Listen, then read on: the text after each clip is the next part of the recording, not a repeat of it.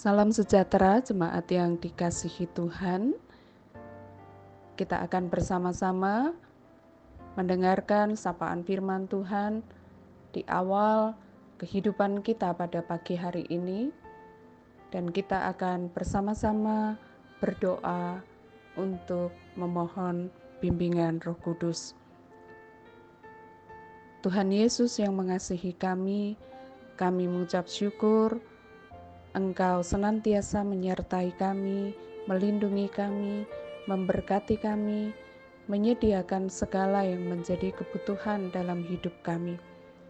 Terima kasih Bapa di surga untuk segala kebaikan dan juga kemurahan-Mu yang Kau nyatakan kepada kami di sepanjang kehidupan kami.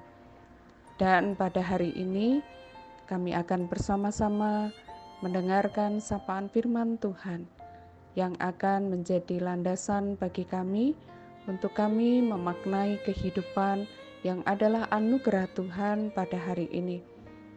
Dalam segala keterbatasan kami ya Allah, Engkau mampukan kami, Engkau jadikan kami sebagai pendengar dan pelaku firman yang setia. Terima kasih Tuhan Yesus, di dalam namamu kami berdoa. Amin. Firman Tuhan pada hari ini diambil dari satu Raja-Raja 17 ayat 7 sampai dengan ayat 16. Dan saya akan membacakan ayat yang ke-9 saja.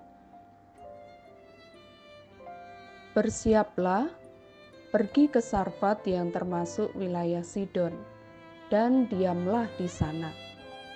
Ketahuilah aku telah memerintahkan seorang janda untuk memberi engkau makan.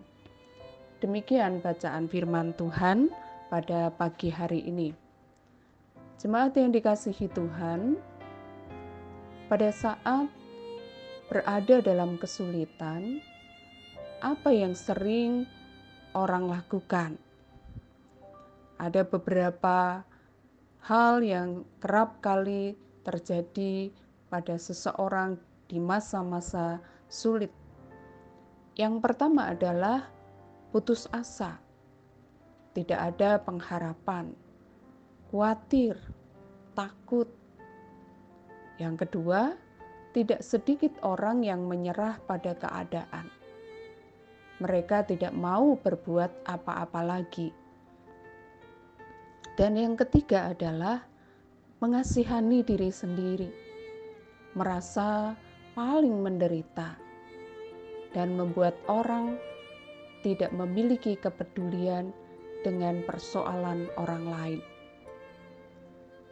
Jemaat yang dikasihi Tuhan, Elia mengalami persoalan dan dia harus bersembunyi di tepi sungai Kerit untuk beberapa waktu. Tetapi Akhirnya, sungai itu menjadi kering, dan pada saat itu Tuhan memberikan perintah kepada Elia, "Bersiaplah, pergilah ke Sarfat yang termasuk wilayah Sidon, dan diamlah di sana. Ketahuilah, aku telah memerintahkan seorang janda untuk memberi engkau makan." Sungai Kerit sudah menjadi tempat yang aman bagi Elia. Tetapi Tuhan memerintahkan Elia untuk meninggalkan tempat amannya tersebut. Di satu sisi, Elia merasa aman berada di tepi sungai Gerit itu. Tetapi di sisi yang lain, sekarang masalah datang karena sungai itu menjadi kering, tidak ada air. Elia bisa saja tidak pergi dan beralasan keamanan. Lagi pula, apakah benar hidupnya akan terpelihara? Tetapi apa yang dilakukan Elia? Elia taat terhadap perintah Allah. Ia pergi ke Sarfat.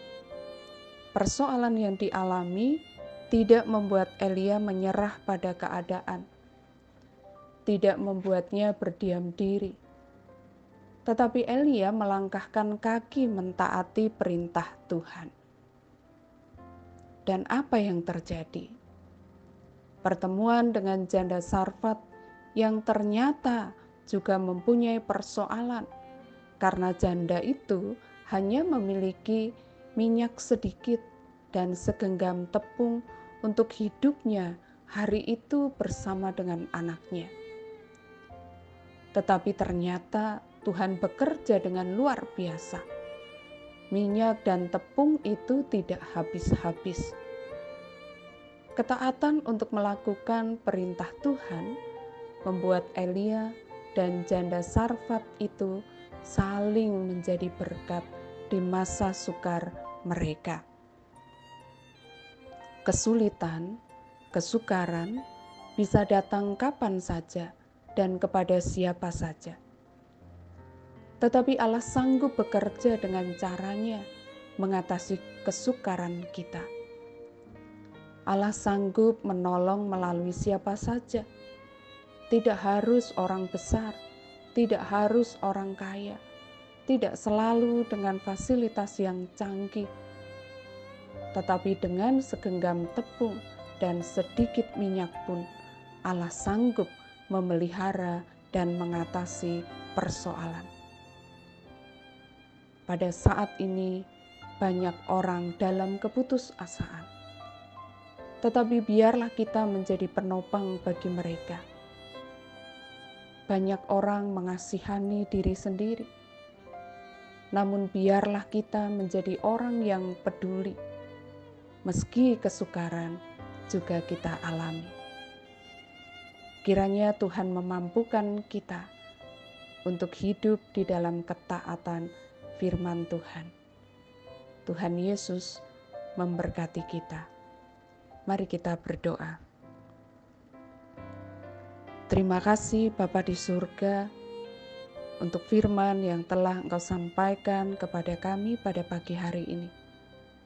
Dan biarlah firman ini menjadi pelita di sepanjang perjalanan hidup kami hari ini khususnya ketika kami sedang berada dalam berbagai macam pergumulan, ada dalam kesukaran, ada dalam kesulitan. Tetapi Tuhan, firman-Mu sudah Engkau nyatakan kepada kami. Tolonglah kami untuk kami tetap hidup di dalam firman Kami tetap di dalam ketaatan untuk melakukan apa yang menjadi perintah-Mu. Sekalipun kami ada dalam kesukaran, tetapi bukalah mata hati kami dan jadikanlah kami sebagai saluran berkat bagi sesama kami. Saat ini Bapa, setiap jemaatmu membawa pergumulan hidup pribadi lepas pribadi di hadapan Tuhan. Kami percaya Engkau mendengar doa-doa yang dinaikkan kepadamu di dalam iman dan juga di dalam kesetiaan. Tuhan kiranya Engkau menyatakan apa yang Engkau pandang baik, tepat pada waktu yang Engkau tentukan. Kami saat ini juga berdoa Bapa untuk bangsa dan negara kami. Tuhan terus menuntun dan menyertai para pemimpin kami di dalam segala kesukaran yang mereka alami untuk mengambil langkah-langkah mengatasi pandemi.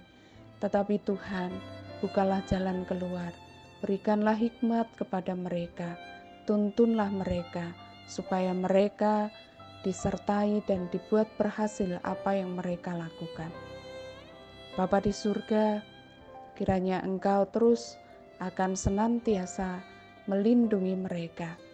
Tuhan juga memberkati untuk keluarga mereka, supaya mereka pun juga boleh mendukung segala hal yang dikerjakan oleh para pemimpin kami. Bapa, Engkau terus juga memberkati untuk kota di mana kami tinggal.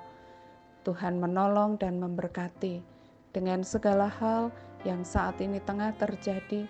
Tuhan Engkau menyertai. Bapa, Engkau juga terus memakai gerejamu, Engkau terus memperlengkapi, Engkau terus menuntun supaya gereja Tuhan boleh terus bekerja menyatakan kasih kehadiran, dan juga kepedulian Allah bagi sesama di mana Engkau menempatkan kami. Ketika hari ini Tuhan pertemukan kami dengan sesama kami dalam pergumulan hidup mereka pribadi lepas pribadi. Pakailah kami Tuhan untuk menjadi alatmu, menyatakan kasihmu dan juga kepedulianmu bagi mereka. Terima kasih Bapa di surga, doa-doa kami saat ini. Kami naikkan dalam nama Tuhan Yesus Kristus, Juru Selamat kami. Amin.